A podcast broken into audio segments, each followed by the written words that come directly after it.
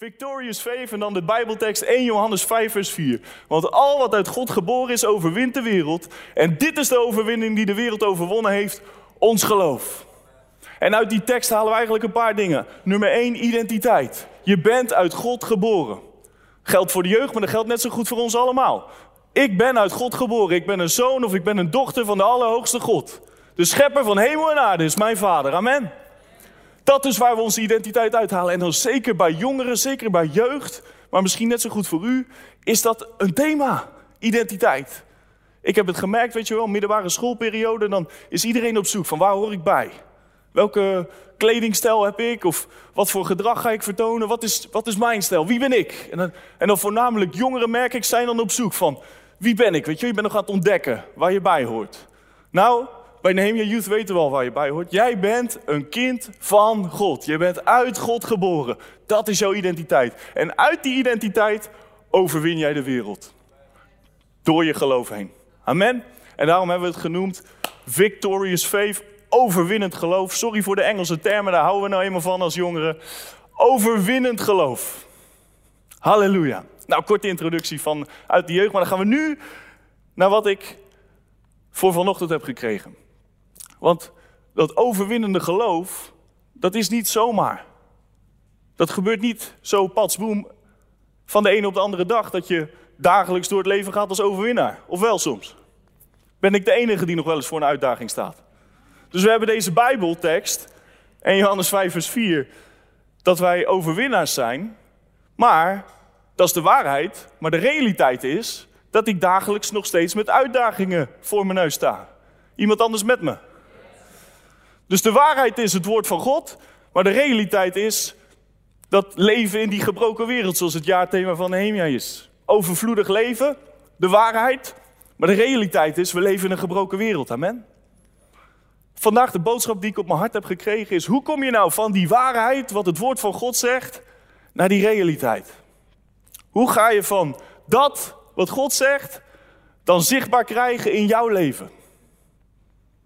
Dat is een vraag waar ik mee bezig ben geweest. En, en ik geloof veel meer mensen. Veel, veel meer mensen. En nou ja, als, als titel heb ik eigenlijk het niet Victorious Faith genoemd, maar zo omschreven. Waar je mee omgaat, word je mee besmet. Dus als je aantekeningen maakt, mag je die even opschrijven. Waar je mee omgaat, word je mee besmet. Ik denk de afgelopen twee jaar is half Nederland een viroloog geworden. En hebben we wel gemerkt hè, dat waar je mee omgaat, word je mee besmet. met dat virus. We hebben, we hebben opeens geleerd van, hé, hey, inderdaad, in die omgang kan je besmet raken. Dus een beetje afstand houden en handen wassen. Voorheen deed ik het één keer per week, nu dus ik één keer per dag mijn handen wassen. Goed hè? Nee, dat, opeens is dat een veel meer reëlere ding voor ons geworden. Dat je besmet kan raken door met wie je omgaat. Maar dat is niet alleen waar voor een virus. Dat is ook waar voor ons gedrag en voor ons karakter. Amen? Ik zal je een kort voorbeeldje geven uit mijn eigen leven. Als je tien jaar geleden tegen mij had gezegd dat ik een kat zou hebben vandaag, dan zou ik gezegd hebben: houd toch op, man. Echt niet. Ik haat katten. Ik hou niet van katten. Nee, ik ben een hondenman. Weet je mijn, mijn ouders hadden vroeger altijd honden thuis en dat vind ik leuk. Want dan kan je mee spelen en die kan je opvoeden, kan je commanderen. Vind ik ook wel leuk. Hè? Een beetje, hey, zit. En dan zitten ze. Dus ik dacht, nee, nee, kat, dat gaat niet gebeuren. Maar toen leerde ik Nienke kennen. En Nienke is opgegroeid met katten thuis. En die vindt katten helemaal geweldig. En die zei juist weer, nee, honden. gaat niet gebeuren, Vic. Dus aan het begin van onze relatie, toen we verkering hadden, ja, dat was best wel een strijdpunt. Van, hé, hey, ik wou een hond, zij wou een kat. Hoe gaan we hier nou uitkomen? Goed, toen hebben we een dealtje gesloten. Toch niet. We hadden gezegd, oké, we spreken het zo af. Jij krijgt een kat als ik een hond krijg.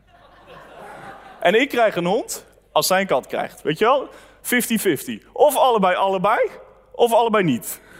Zo hadden wij die deal afgesproken. En ik dacht, nou, dat is handig. En dat bleek ook zo de eerste drie jaar van ons huwelijk van... nou, dat gaat dan toch niet gebeuren, want je neemt niet en een hond en een kat. Toch? Dat is niet heel verstandig. Toch? Ja, het kan wel, maar... Goed. Maar wat gebeurt er nou? September waren we op bezoek bij mensen. Arjen en Evie, de vrienden van ons waar we het huis van hebben gekocht. En die hadden twee kittens. En wij gingen daar op bezoek. En Nienke was helemaal dol op die kittens. Die was, Die kwam eigenlijk niet voor Arjan en Evie, die was alleen maar met die kittens aan het spelen. en ik zag hoe leuk ze het met die kittens had. En ik zag voor het eerst, hé, dat is eigenlijk best leuk. Zo'n kleine poes. is best leuk. Ze spelen en ze komen naar je toe en ze willen geaaid worden. Ik kende alleen die oude kat die Richard en Ankje thuis vroeger hadden. Zodra ik binnenkwam, rende dat beest naar boven, weet je wel. maar dit was best leuk. Maar ik zag vooral hoe leuk Nienke het vond. En ik zag dat Nienke er helemaal van opleefde. En ik zag die ogen stralen. En ik hou natuurlijk zielsveel van Nienke. Dus daar, op dat moment heb ik besloten, oké Nien, you win. Jij krijgt een kat. We nemen een poes. En ja hoor, oktober hebben we een prachtig rode, rood poesje opgehaald uit Dordrecht. Uh, en ze heet Ruby. En ik ben eigenlijk gewoon hartstikke blij mee. hey, dit blijft wel tussen ons, hè? Want als, dit, als we dit bij de jeugd horen, dan verlies ik al mijn coolheidstatus, weet je wel. Dus tussen ons, ons geheimpje. Maar ik ben nu best een kattenliefhebber. ik zit s'avonds op de bank met die katten knuffelen. En, en ik had het ook niet verwacht, maar deze kat geeft ook liefde terug. Ze komt bij me liggen, ze geeft kopjes, ze wil ook met me spelen. Alleen dat commanderen lukt nog niet echt. Daar luisteren ze nog niet echt naar. Maar daar hebben we de plantenspuit voor. Maar, wat ik maar probeer te zeggen, waar je mee omgaat, word je mee besmet. Want tien jaar geleden zou dit nooit gebeurd zijn. Maar ja, ik ben inmiddels bijna zeven jaar met Nienke samen. It robs off, weet je wel. Ik hou van haar en ik ga houden van de dingen waar Nienke van houdt. Amen. En dat is niet alleen zo in een huwelijk. Dat is ook zo in je relatie met je ouders, weet je wel. In het natuurlijke lijk je op je ouders. Je bent een beetje van je vader en je bent een beetje van je moeder. En dan zit er ook nog door de generaties hè, wat dingen doorheen gemixt. Maar jij bent in het natuurlijke zoals jouw ouders zijn. Jij lijkt in het natuurlijke op je ouders. En zo lijk je in het geestelijke ook op jouw ouders. Op God de Vader, op de Heilige Geest. Op jouw familie, op de grote broer Jezus. Amen. En ik geloof, als je veel tijd met iemand doorbrengt. Mark zei altijd al bij de jeugd vroeger. Toon je vijf beste vrienden en ik zeg je waar je over vijf jaar bent. Degene waar jij mee omgaat, daar ga je op lijken. Daar ga je naar gedragen. Dat gedrag ga je kopiëren, ten positieve of ten negatieve. Maar God heeft het zo bedoeld dat wij in die relatie met Hem als bruid van Christus gaan lijken op Christus. Amen. Dat wij gaan houden van de dingen waar Jezus van houdt. Amen. En misschien zeg je nu, ja, dat klopt, maar dat niet, Victor. Dat never, nooit niet. Nooit een poes hoor, ik haal poesen. Wacht maar. ik spreek je over tien jaar wel. Wacht maar. Als je tijd met Jezus doorbrengt, ga je lijken op Jezus. Amen. In God is geen onrust. Mijn, natuurlijke mijn geestelijke vader is geen onrust. Dus ik kan lijken op mijn geestelijke vader, op God de Vader. En ik kan in vrede wandelen. Amen. In Jezus is geen ziekte. Ik kan zonder ziekte wandelen. Ik lijk op mijn geestelijke ouders. De Bijbel zegt, Jezus is het beeld van de onzichtbare God. Hij is het plaatje van hoe hij toont hier op aarde, toen hij hier rondliep, hoe God de Vader is. Niemand heeft ooit God de Vader gezien, maar we kunnen Jezus ontmoeten. Amen. En doordat we Jezus zien, zien hoe Jezus wandelde, zien, hoe Jezus zich gedroeg hier op aarde in de evangelie, kunnen we zien hoe God is. En vandaag wil ik eigenlijk gewoon voorstellen, laten we met z'n allen gewoon vanochtend die Bijbel induiken. Laten we gewoon met z'n allen gaan kijken naar Jezus. Cheryl zei het ook al bij de opening. Laten we vanochtend kiezen om te kijken naar Jezus. En dan geloof ik, wanneer je gaat kijken naar Jezus, ga je lijken op Jezus. Amen. Die is zo goed, die moet je opschrijven. Als je gaat kijken naar Jezus, ga je lijken op Jezus.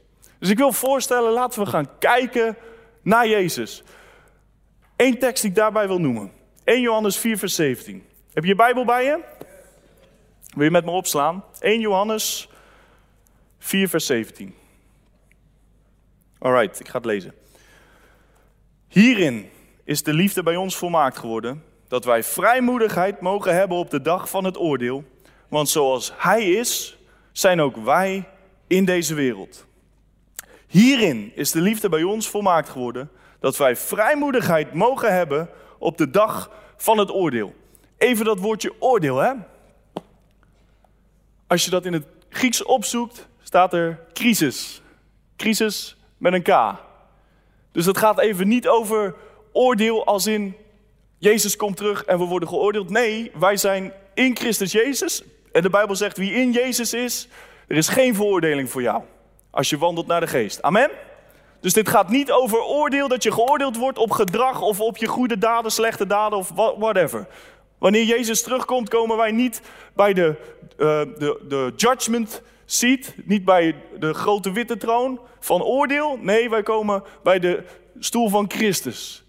En wij worden niet geoordeeld op ons gedrag, want jij zei het volgens mij, Mark, of Cheryl zei het. Wanneer God naar ons kijkt, ziet hij Jezus. Amen? Dus laat dat alsjeblieft duidelijk zijn. Geen oordeel als in oordeel. Ik zou het woord crisis invullen als ik u was. Want dat staat er ook in het Grieks. Crisis. En, en crisis, de, de definitie daarvan, ik heb het even opgezocht, weet ik niet uit mijn hoofd hoor. Maar de definitie van crisis is een moeilijke of gevaarlijke situatie waar er een oplossing nodig is. Nou, ik denk dat we in de wereld wel leven in een moeilijke, gevaarlijke situatie waar er een oplossing nodig is. Amen. Je hoeft het nieuws maar open te slaan, of het is de ene crisis na de andere crisis. Ik loop nu pas 26 jaar op deze aarde, maar het lijkt wel alsof we van de ene crisis in de andere crisis belanden. Eerst de economische crisis, toen de stikstofcrisis en, en de coronaviruscrisis en crisis, crisis, crisis. De wereld is in crisis, want er is een oplossing nodig. Dus, de Bijbel zegt hier dat wij vrijmoedigheid mogen hebben op de dag van crisis. Zoals ik zei, we leven in een gebroken wereld. We leven in een wereld waar er crisissen plaatsvinden. En ik denk dat we allemaal te maken hebben in ons leven met momenten van een crisis. Momenten waarin dingen niet lekker gaan. Maar dan zegt de Bijbel dit. Zoals Jezus is, zijn ook wij in deze wereld. Doordat Je zoals Jezus is, zijn ook wij in deze wereld. Daardoor kunnen wij vrijmoedigheid hebben op die dag van een crisis. Dus ik stel voor, laten we gaan kijken naar één verhaal waarin Jezus in een crisis was en de oplossing was. Zullen we dat doen? En ik heb dan toevallig het verhaal van Jezus in de storm op het meer opgeslagen. Maar weet je, eigenlijk kun je zo'n beetje elk verhaal wel opslaan. Want overal waar Jezus kwam, bracht hij de oplossing in een crisis. Amen? Maar goed, wil je met me opslaan? Marcus 6 vanaf vers 45 besefte me vanochtend opeens, vorige keer dat ik gesproken heb, was over de wonderbare spijziging. Dat is iets verder in hoofdstuk 6 van Marcus. Um, maar nu gaan we iets verderop eigenlijk het volgende verhaal lezen. Het lijkt wel alsof ik ze gewoon zo één voor één afga. Wie weet, volgende keer misschien Marcus 7. Jezus in de storm op het meer. En meteen dwong hij zijn discipelen in het schip te gaan en vooruit te varen naar de overkant, naar Bethsaida terwijl hij zelf de menigte weg zou sturen. En toen hij afscheid van hen genomen had, ging hij naar de berg om te bidden. En toen het avond was geworden, was het schip midden op de zee en hij zelf was alleen op het land. En hij zag dat zij veel moeite moesten doen om het schip vooruit te krijgen, want ze hadden de wind tegen. En omstreeks de vierde nachtwaken kwam hij lopend op de zee naar hen toe en wilde hun voorbij gaan. En toen ze hem zagen lopen op de zee, dachten ze dat het een spook was en ze schreeuwden luid. Want alle zagen hem en raakten in verwarring. En meteen sprak hij met hen en zei tegen hen, heb goede moed, ik ben het. Of eigenlijk, ik ben, zei Jezus. Wees niet bevreesd. En hij klom bij hen in het schip en de wind ging liggen. En ze waren innerlijk volkomen buiten zichzelf en zij verwonderden zich, want ze hadden bij het wonder van de broden niets begrepen, omdat hun hart verhard was. Ik wil uit dit verhaal een paar punten halen over Jezus en over jij. Over Jezus en over mij. Want we hebben net gelezen, zoals Jezus is, zo ben ik in de wereld. Amen? Zullen we dat een keer met elkaar zeggen? Doen we bij de jeugd altijd. Zoals Jezus is, zo ben ik in deze wereld. Dus als we naar dit verhaal kijken, kunnen we zien hoe Jezus is in dit verhaal en kunnen we leren hoe wij kunnen zijn in tijden van stormen, in tijden van crisis. Amen. En daarnaast is dit niet zomaar een verhaaltje van geschiedenis, historie. Dit is opgeschreven als les voor ons. Ik geloof dat we lessen eruit kunnen halen over hoe de discipelen zich gedroegen, over hoe Jezus zich gedroeg, over wat er allemaal gebeurde. Maar goed, ik heb er gewoon wat ik er heb uitgehaald vandaag. Maar je weet het hè, met de Bijbel, dat is zo ongelooflijk. Er zit zoveel in. Ik denk dat iemand wel honderd preken over alleen dit vers zou kunnen doen. En telkens weer iets nieuws. Amen. Als je aantekeningen neemt, het eerste punt uit dit verhaal: God redt. De naam van Jezus betekent letterlijk God redt. In deze situatie, in dit verhaal, moet je even voorstellen. We hebben het gelezen hoe Jezus zich afzonderde en hoog op een berg ging bidden. En ondertussen waren die uh, discipelen op het water, op de zee, naar de overkant aan het varen. Goed om erbij te vermelden dat deze discipelen ervaren vissermannen waren, toch? Je hadden vaker in een boot gezeten, je hadden vaker gevaren. En ik denk dat ze ook echt wel een stormpje hadden meegemaakt hier en daar. Waren stoere kerels, kan ik me zo voorstellen. En ervaren rotten, zullen we maar zeggen. Maar blijkbaar kwamen zij in zo'n heftige storm terecht dat deze ervaren vissermannen het uitschreeuwden van paniek. Toch? Blijkbaar was dit zo'n mega grote storm dat zelfs deze Petrus met zijn grote mond ging gillen als een klein meisje. Dat deze gasten die al zo vaak gevist hadden, zo vaak op dit specifieke water gevaren hadden, zo heftig benauwd raakten dat ze het uit gingen gillen. Er was een crisis. Amen. Er was een situatie, moeilijk of gevaarlijk, waar er een oplossing nodig was. Maar Jezus ondertussen zit hoog bovenop die berg. Ik heb me laten vertellen dat dit de hoogste berg is in Israël. Dat is niet voor niks, geloof ik. En dat Jezus daar bovenop zat. En dan ziet Jezus dat die gasten in een storm zitten op dat water, waarschijnlijk wel tientallen kilometers verderop. Dat is bovennatuurlijk. Toch? Er is een storm, donkere wolken, wind. Ik weet niet of je wel eens in een storm gefietst hebt of in een storm geweest bent, maar dan kan je hard schreeuwen, maar er hoort niemand vijf meter verderop. Want de wind neemt het geluid weg. Maar Jezus zat bovenop die berg, de hoogste berg van Israël. En hij zag dat zij daar honderden meters ver naar beneden en tientallen kilometers verderop op het water in een crisis waren. Ik geloof dat Jezus hier laat zien, hij ziet je. Als jij in een storm zit, als jij in een crisis bent, Jezus ziet je. Jezus ziet alles.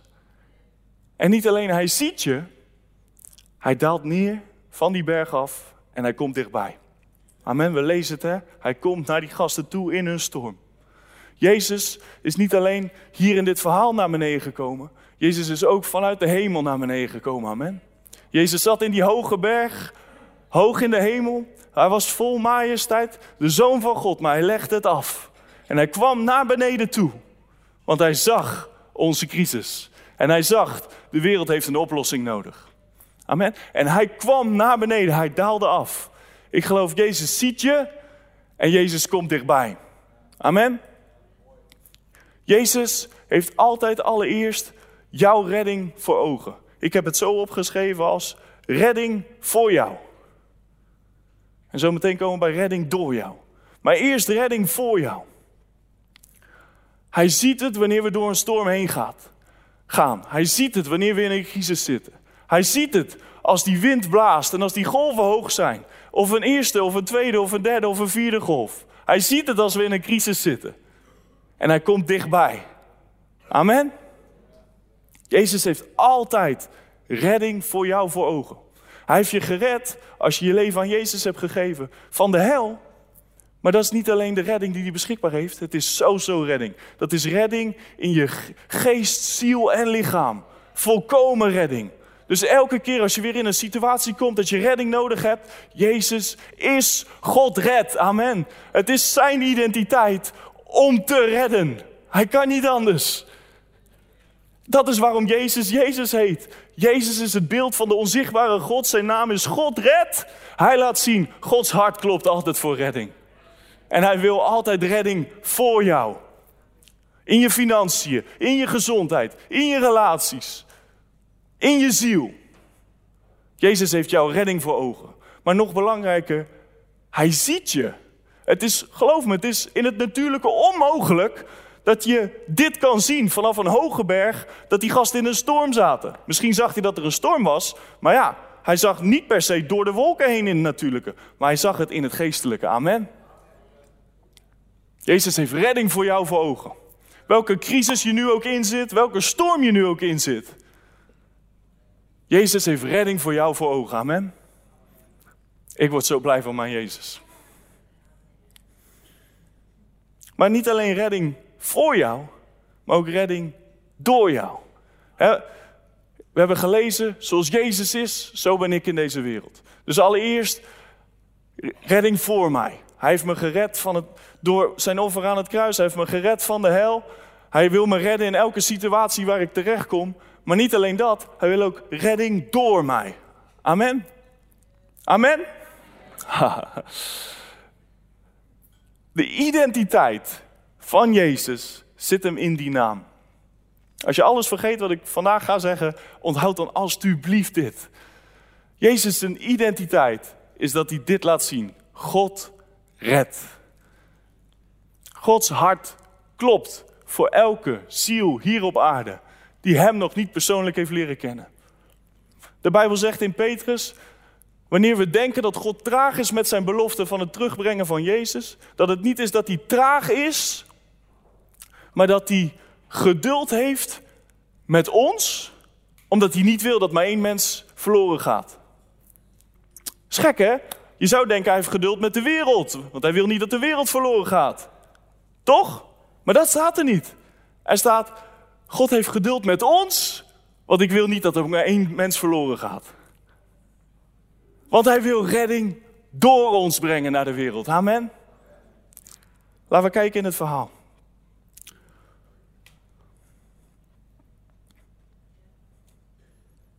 Nee, niet in het verhaal. Matthäus 11.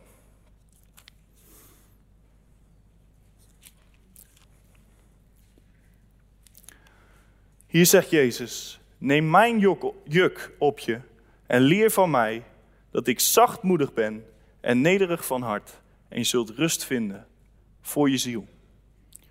En ik geloof, lieve mensen, dat het de boodschap is voor de kerk van Nederland voor vandaag. Dat wij dit aspect van Jezus gaan leren. Dit aspect van het karakter van Jezus. Dat Jezus zachtmoedig is en nederig van hart. Ik geloof als wij redding door ons heen willen laten stromen, als we willen dat Nederland gered wordt, als we willen dat die blok gevuld wordt tot de nok, als we opwekking willen zien, dan geloof ik dat het cruciaal is voor de kerk van Nederland. Dat wij dit aspect van Jezus ter harte nemen en gaan toepassen. Want zoals Jezus is, zo zijn wij. Amen. En Jezus is, zegt de Bijbel hier, zachtmoedig en nederig van hart.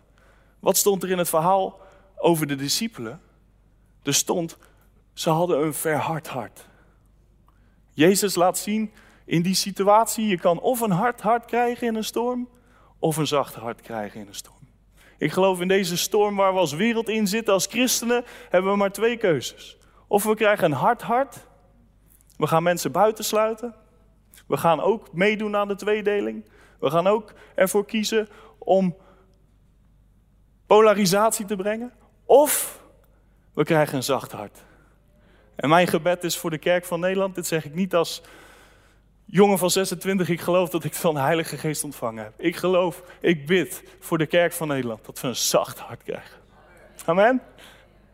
Dat redding door ons gaat stromen naar de wereld toe.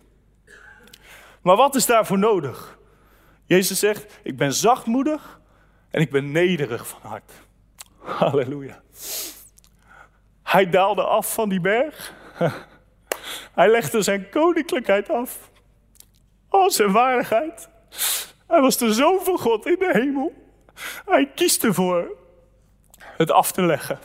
En naar ons toe te komen in deze wereld. Om ons redding te brengen. Halleluja. En dit aspect van Jezus, dat heb ik zo nodig in mijn hart. Ook in deze wereld waarin die polarisatie plaatsvindt. Om ervoor te kiezen, ik wil nederig van hart zijn net als Jezus. Ben je met me?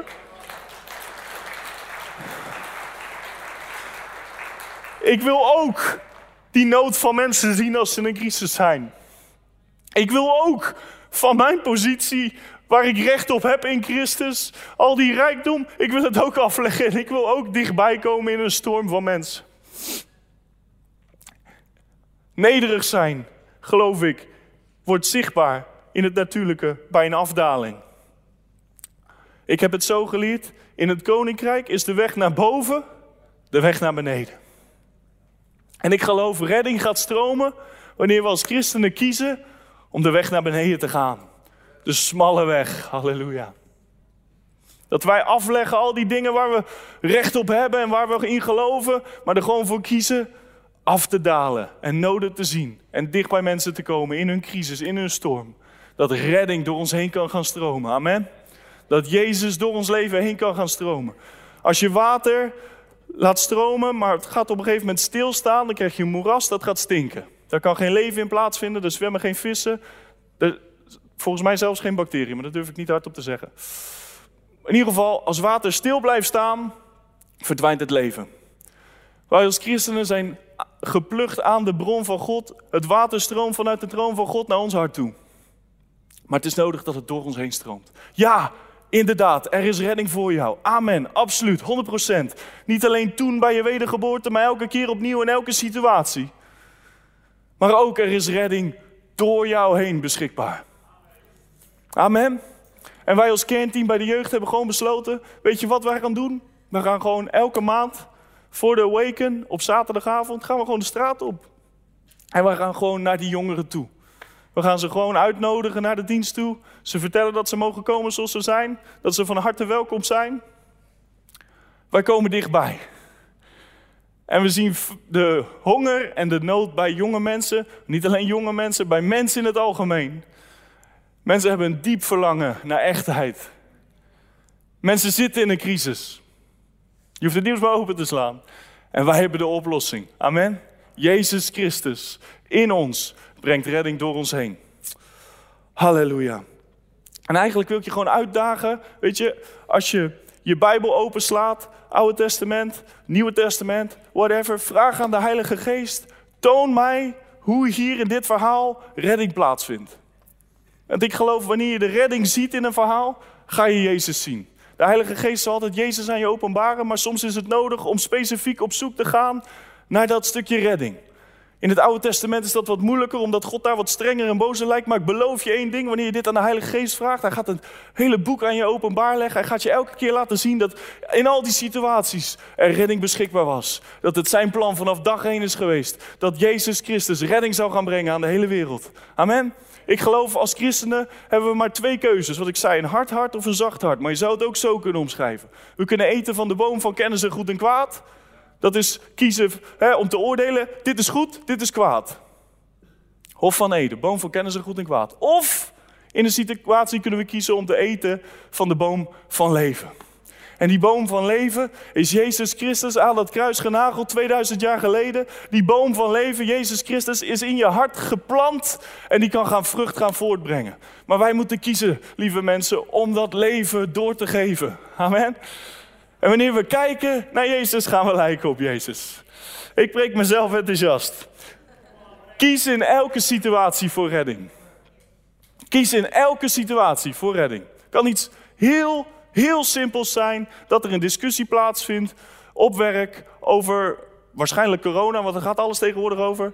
En dat je ervoor kiest niet te gaan eten van de, kennis van de boom van kennis en goed en kwaad, niet te gaan oordelen, maar te kiezen voor leven, te gaan voor redding.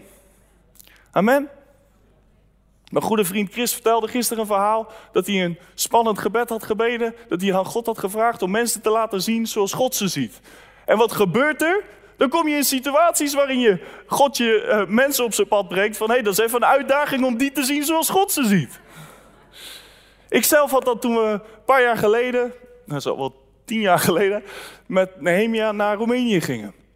Ik was toen 16. Ik zat toen in dat spanningsveld van opgroeien en waar ga ik bij horen. En ik was net verhuisd hier naar Zwijndrecht. Ik kwam eerst uit Ede. Ik moest hier weer helemaal opnieuw beginnen. En ik dacht, weet je wat, ik heb altijd heilig en goed geleefd. Nu ga ik het eens even anders doen. Heel kort maar hoor. Dus dat had ik toen ongeveer vier maanden geprobeerd. En ik werd er niet heel erg vrolijk van, merkte ik.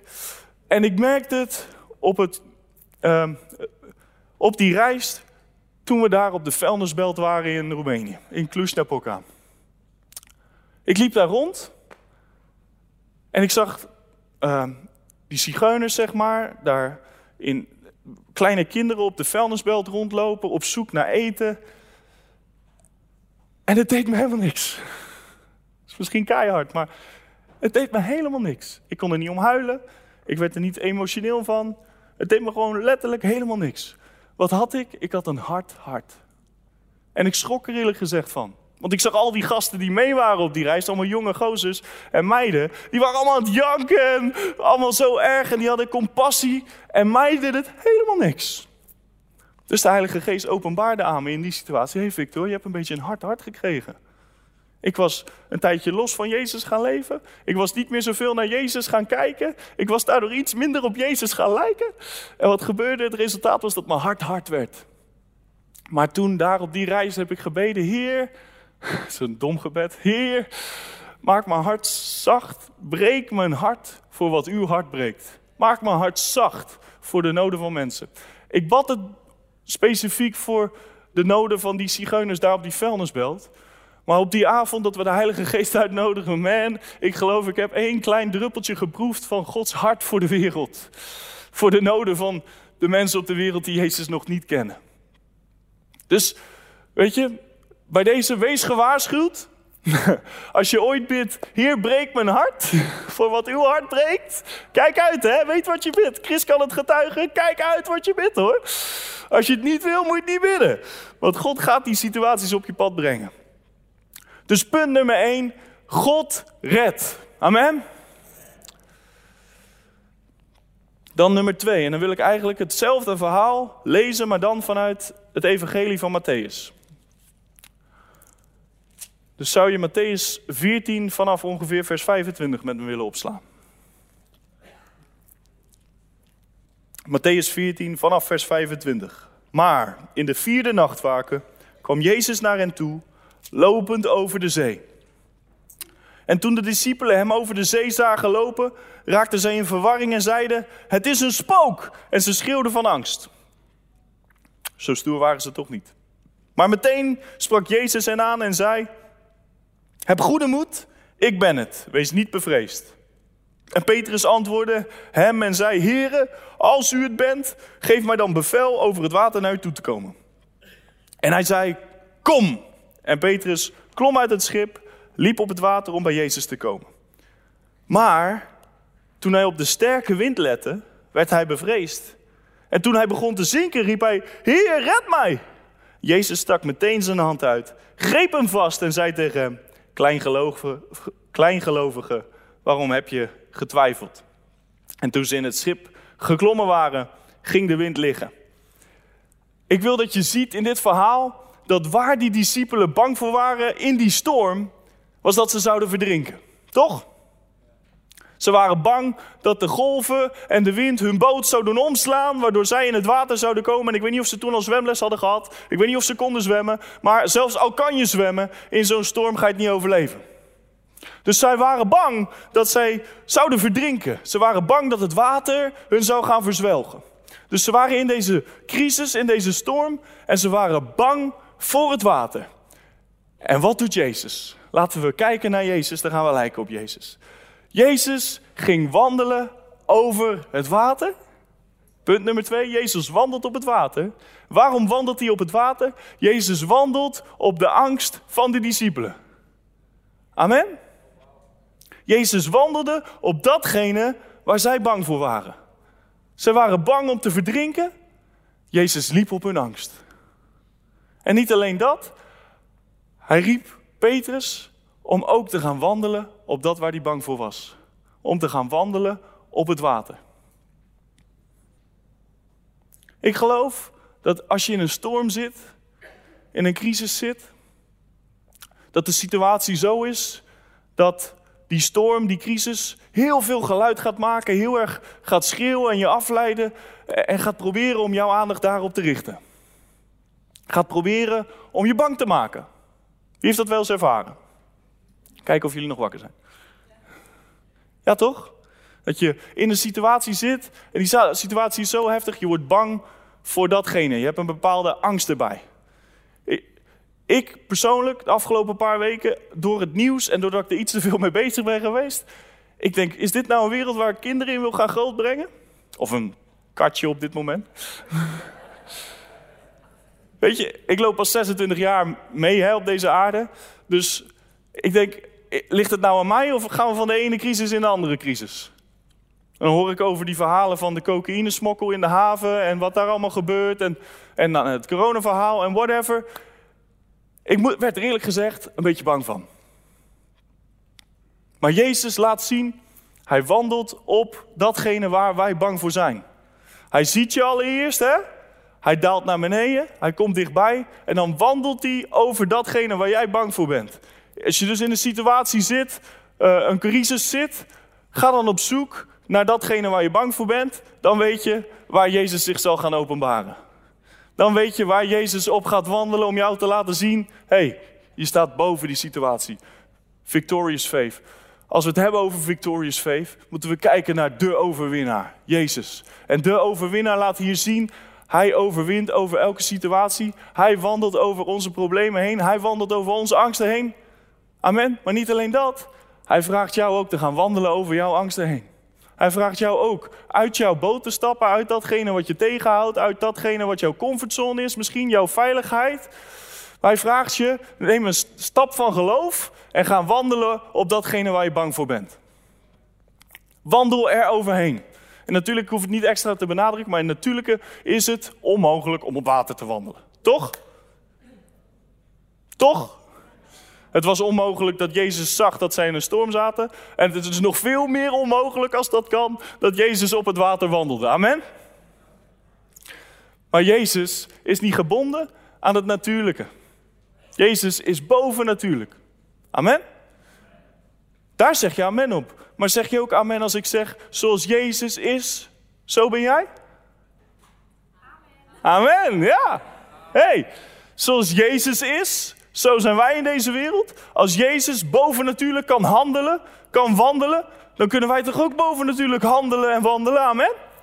Dan kunnen wij toch ook gaan wandelen op dat wat ons tegenhoudt, dat ons, wat onze angst is, waar we bang voor zijn? Amen? Maar wat is daarvoor nodig? En dat komt de hele dienst al telkens terug, in alle verhalen, in de, in de, in de liederen, in wat Mark en Chirel zeiden.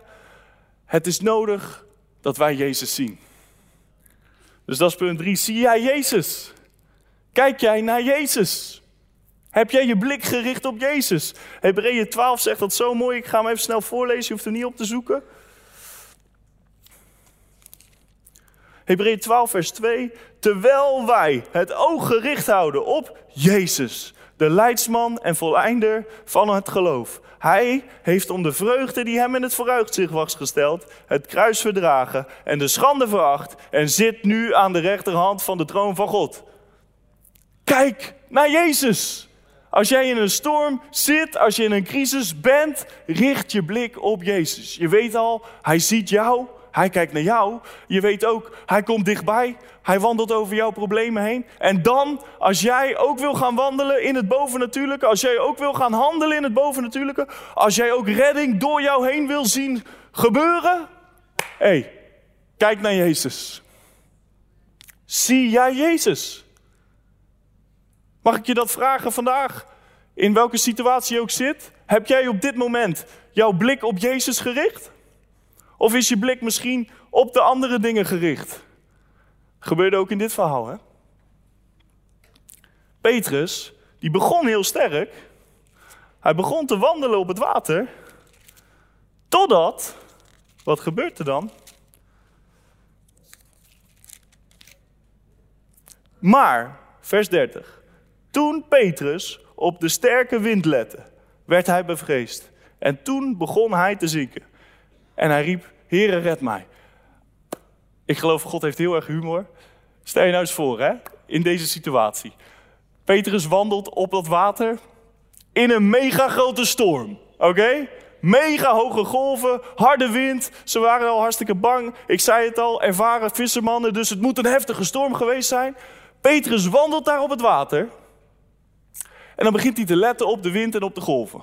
En dan opeens beseft hij, oh shit, wat ben ik aan het doen? En hij begint te zinken. Had het dan makkelijker geweest als er geen storm geweest was? Hij lette niet op het water, hè? er staat hij lette op de wind en de golven. Had het makkelijker geweest voor Petrus om het water te wandelen als het gewoon, weet je wel, kalm water was geweest en een heel zacht zomerbriesje en gewoon vlak en een kleine rimpeling in het water? Had het dan opeens wel gekund dat hij ging wandelen op het water? Nee toch? God heeft humor, man. Nee, dit is bovennatuurlijk. Maar of het nou uh, uh, een crisis is en er grote golven zijn en wind is, of als het gewoon kalm water is en een briesje, het is onmogelijk om op het water te wandelen, toch? Ja, toch? Maar Petrus ging letten op die omstandigheden. Zegt mij dus, het maakt niet uit of het de omstandigheden van een crisis zijn of alles gaat gewoon kabbeltje, kabbeltje prima in je leven. Als je let op omstandigheden, whatever they may be, als je gaat kijken naar omstandigheden, gaat kijken naar de wind, naar de golven, naar wat er om je heen allemaal plaatsvindt en wat je aandacht probeert te rukken, in plaats van kijken naar Jezus, dan begin je te zinken. Amen? Dat is wanneer Petrus door het water heen begon te zakken. Dus, mijn vraag is, zie jij Jezus? En ik zei het aan het begin, ik prik 100% tegen mezelf. Want ik, afgelopen weken, ik heb niet naar Jezus gekeken. afgelopen weken ben ik veel te veel bezig geweest met de omstandigheden, met de nu.nl app en, en wat er ook maar allemaal in je leven om je heen speelt. Dus Victor, kijk jij naar Jezus? Ik ga vanaf vandaag weer naar Jezus kijken. Dat beloof ik je. Want als wij naar Jezus kijken, ik heb het zo opgeschreven. Zien wij dat wij, zoals Hij, in deze wereld kunnen zijn. Amen. Ik vind het bijzonder, hè? In die tekst, zoals Jezus is, zo zijn wij in deze wereld. Ik vind het bijzonder dat de Bijbel daar de tegenwoordige tijd gebruikt. Zoals Jezus is, zo zijn wij in deze wereld. Kijk, nu kijken we naar een verhaal van hoe Jezus toen was. He, in dit verhaal gedroeg hij zich zo, verleden tijd. Verlesje Nederlands hier. Maar in, in Johannes 4, vers 17 staat, zoals Jezus is, zo zijn wij in deze wereld. Jezus is nu niet langer in die storm op het meer. Hij is niet langer daadwerkelijk hier op aarde. Daadwerkelijk in ons leven zichtbaar aan het handelen en wandelen, aan het spreken. Nee, Jezus is nu in de hemel gezeten aan de rechterhand van de troon van God, zoals we lazen in Hebreeën 12, 12. Eh, Toch? Amen? Dus dat toont mij, zoals Jezus nu is daar in de hemel, zo zijn wij nu hier op deze aarde. Ik ga hem nog een paar keer herhalen, want hij landt volgens mij niet. Zoals Jezus nu is in de hemel, met het verheerlijkte lichaam, aan de rechterhand van de troon van God. Zo zijn wij in deze wereld. Als je al moeite had om te geloven dat hoe Jezus was in dit verhaal, ja, dan gaat dit natuurlijk al helemaal uh, boven de pet. Zoals Jezus nu is, met zijn verheerlijkte lichaam, zo zijn wij in deze wereld. Wij zijn niet gebonden aan het natuurlijke, wij zijn niet gebonden aan de omstandigheden. hey, nee, wij zijn hemelburgers. Amen. Wij staan boven de omstandigheden. Zoals ik vorige keer gepreekt heb, wij zweven op arendsvleugelen, ver boven de omstandigheden van deze aarde. Als wij de wind van de Heilige Geest weten te pakken. Het is een keuze, hè? een hard hart of een zacht hart. Maar wanneer we ons nederig maken, ons zachtmoedig maken, zeggen Heilige Geest, take me higher, breng mij omhoog, breng mij dichter bij Jezus. Dan gaan we zien dat wij uitgroeien boven omstandigheden. Dat wij in die zin dus, zoals Paulus het omschrijft, volwassen worden. Dat we niet meer heen en weer geslingerd worden door elke wind van leer. Of heen en weer geslingerd worden door onze emoties, door onze ziel. Of heen en weer geslingerd worden door de golven en de omstandigheden en wat er allemaal plaatsvindt. Maar dat wij geworteld en gegrond zijn in Jezus, zoals Hij is daar in de hemel. Weet je dat er in de hemel crisis is? Ziekte? Nee, dat is de waarheid. Daar is dat niet. De realiteit is dat het hier wel zo is. Maar ik heb ervoor gekozen. Ik wil groeien in geloof. En dat is niet een insta-ding. Dat is niet een magnetron-ding zoals mijn generatie gewend is dat alles maar zo gaat. hey, dat is een proces van groeien. Van met die wind van de Heilige Geest opstijgen. En steeds hoger en hoger en hoger komen. En zoals ik zei afgelopen weken, hey, ik ging niet omhoog. ik ging naar beneden en dan heb ik het niet over nederig zijn. Nee. nee. Nee, ik wil groeien in geloof. Ik wil groeien omhoog richting Jezus zoals Hij is in de hemel. Amen. Ben je met me? Wil je dat ook? Kan ik een amen horen als je dat wil? Wil jij ook dat jij boven de omstandigheden gaat leven? Wil jij ook dat jij weet wie jij bent in Christus? Dat je zo verzekerd bent, dat je niet langer zelf verzekerd bent, maar dat je Jezus verzekerd bent. Dat je weet zoals Jezus is, hé, hey, zo ben ik. Dus als ik een, een, een afspraak heb bij een nieuwe klant die ik moet gaan binnenhalen, hé, hey, zoals Jezus is, zo ben ik. Ik ben meer dan overwinnaar. Ik lees nooit in de Bijbel dat Jezus ergens over twijfelde. Dat hij zei, mm, ik weet het niet, ik moet er even voor bidden. Nee, we mogen verzekerd zijn in Jezus. Amen. Heeft helemaal niks met onszelf te maken. Hè? Begrijp me alsjeblieft niet verkeerd, lieve mensen. Heeft helemaal niks te maken met eigen werken of eigen kracht of eigen prestatie. Hey, het hangt allemaal af van Jezus. En dit heeft dus te maken met de positie die we in Jezus hebben. En daarom zijn we met de jeugd met dit onderwerp bezig dat er een fundament gelegd wordt voor de rest van het leven. Dat je weet dat je weet dat je weet dat jij een nieuwe schepping bent, dat je in Christus bent. En dat wanneer God naar jou kijkt, hij niet jouw prestaties ziet of jouw gedrag, maar hij ziet dat jij in Jezus bent. Amen. En dat jij zoals Jezus bent in deze wereld. Amen.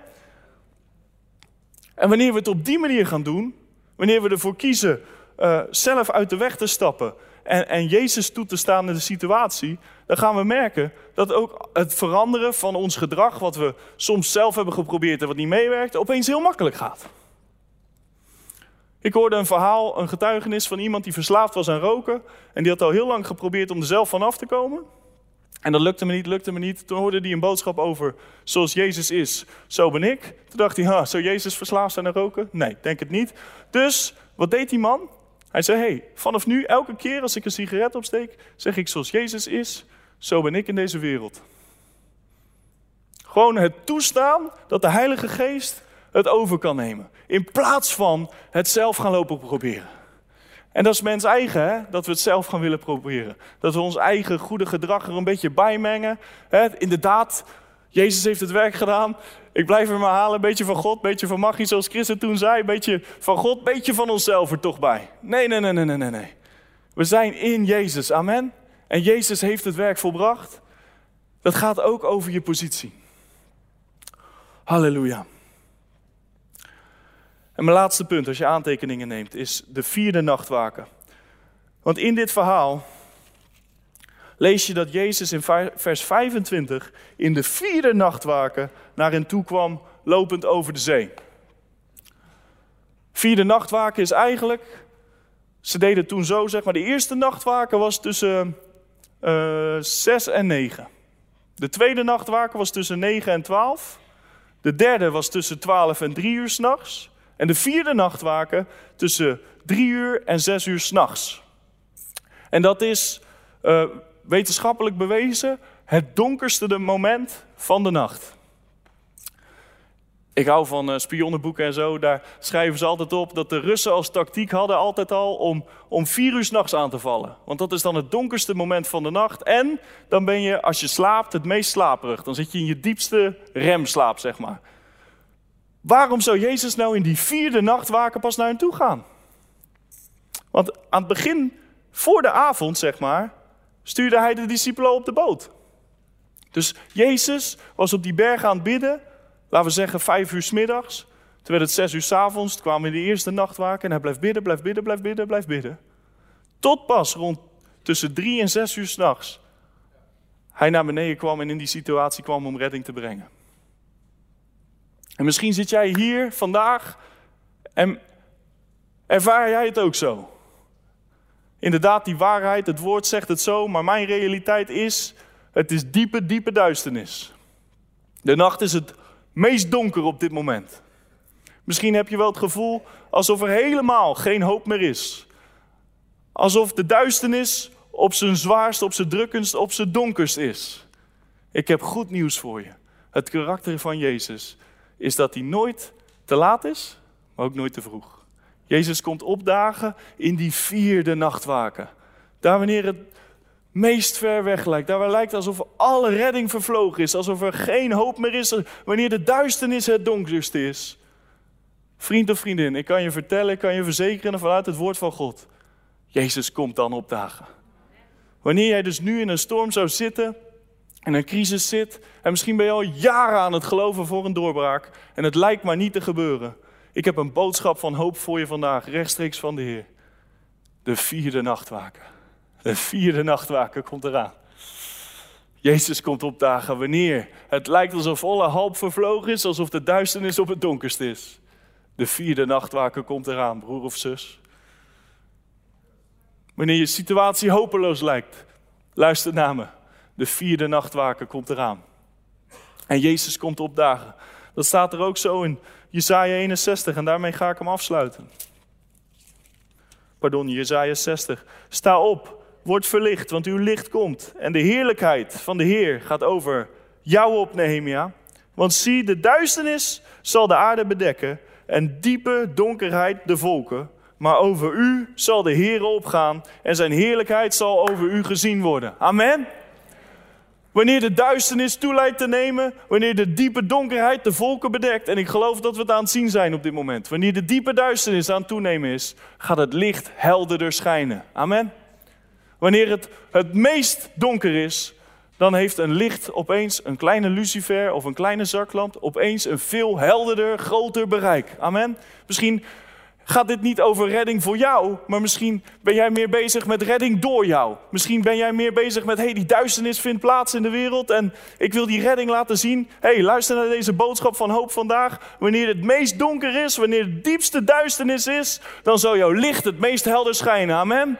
Amen. Dus ik kan je vertellen, wanneer het in de wereld allemaal donkerder lijkt te worden, wanneer het allemaal duisterder lijkt te worden, wanneer we bezig zijn met alles wat er gaande is en omstandigheden en wintergolven. Ik kan je vertellen, hey, verheug je, wees blij, heb goede moed, want je licht gaat helderder schijnen. Amen.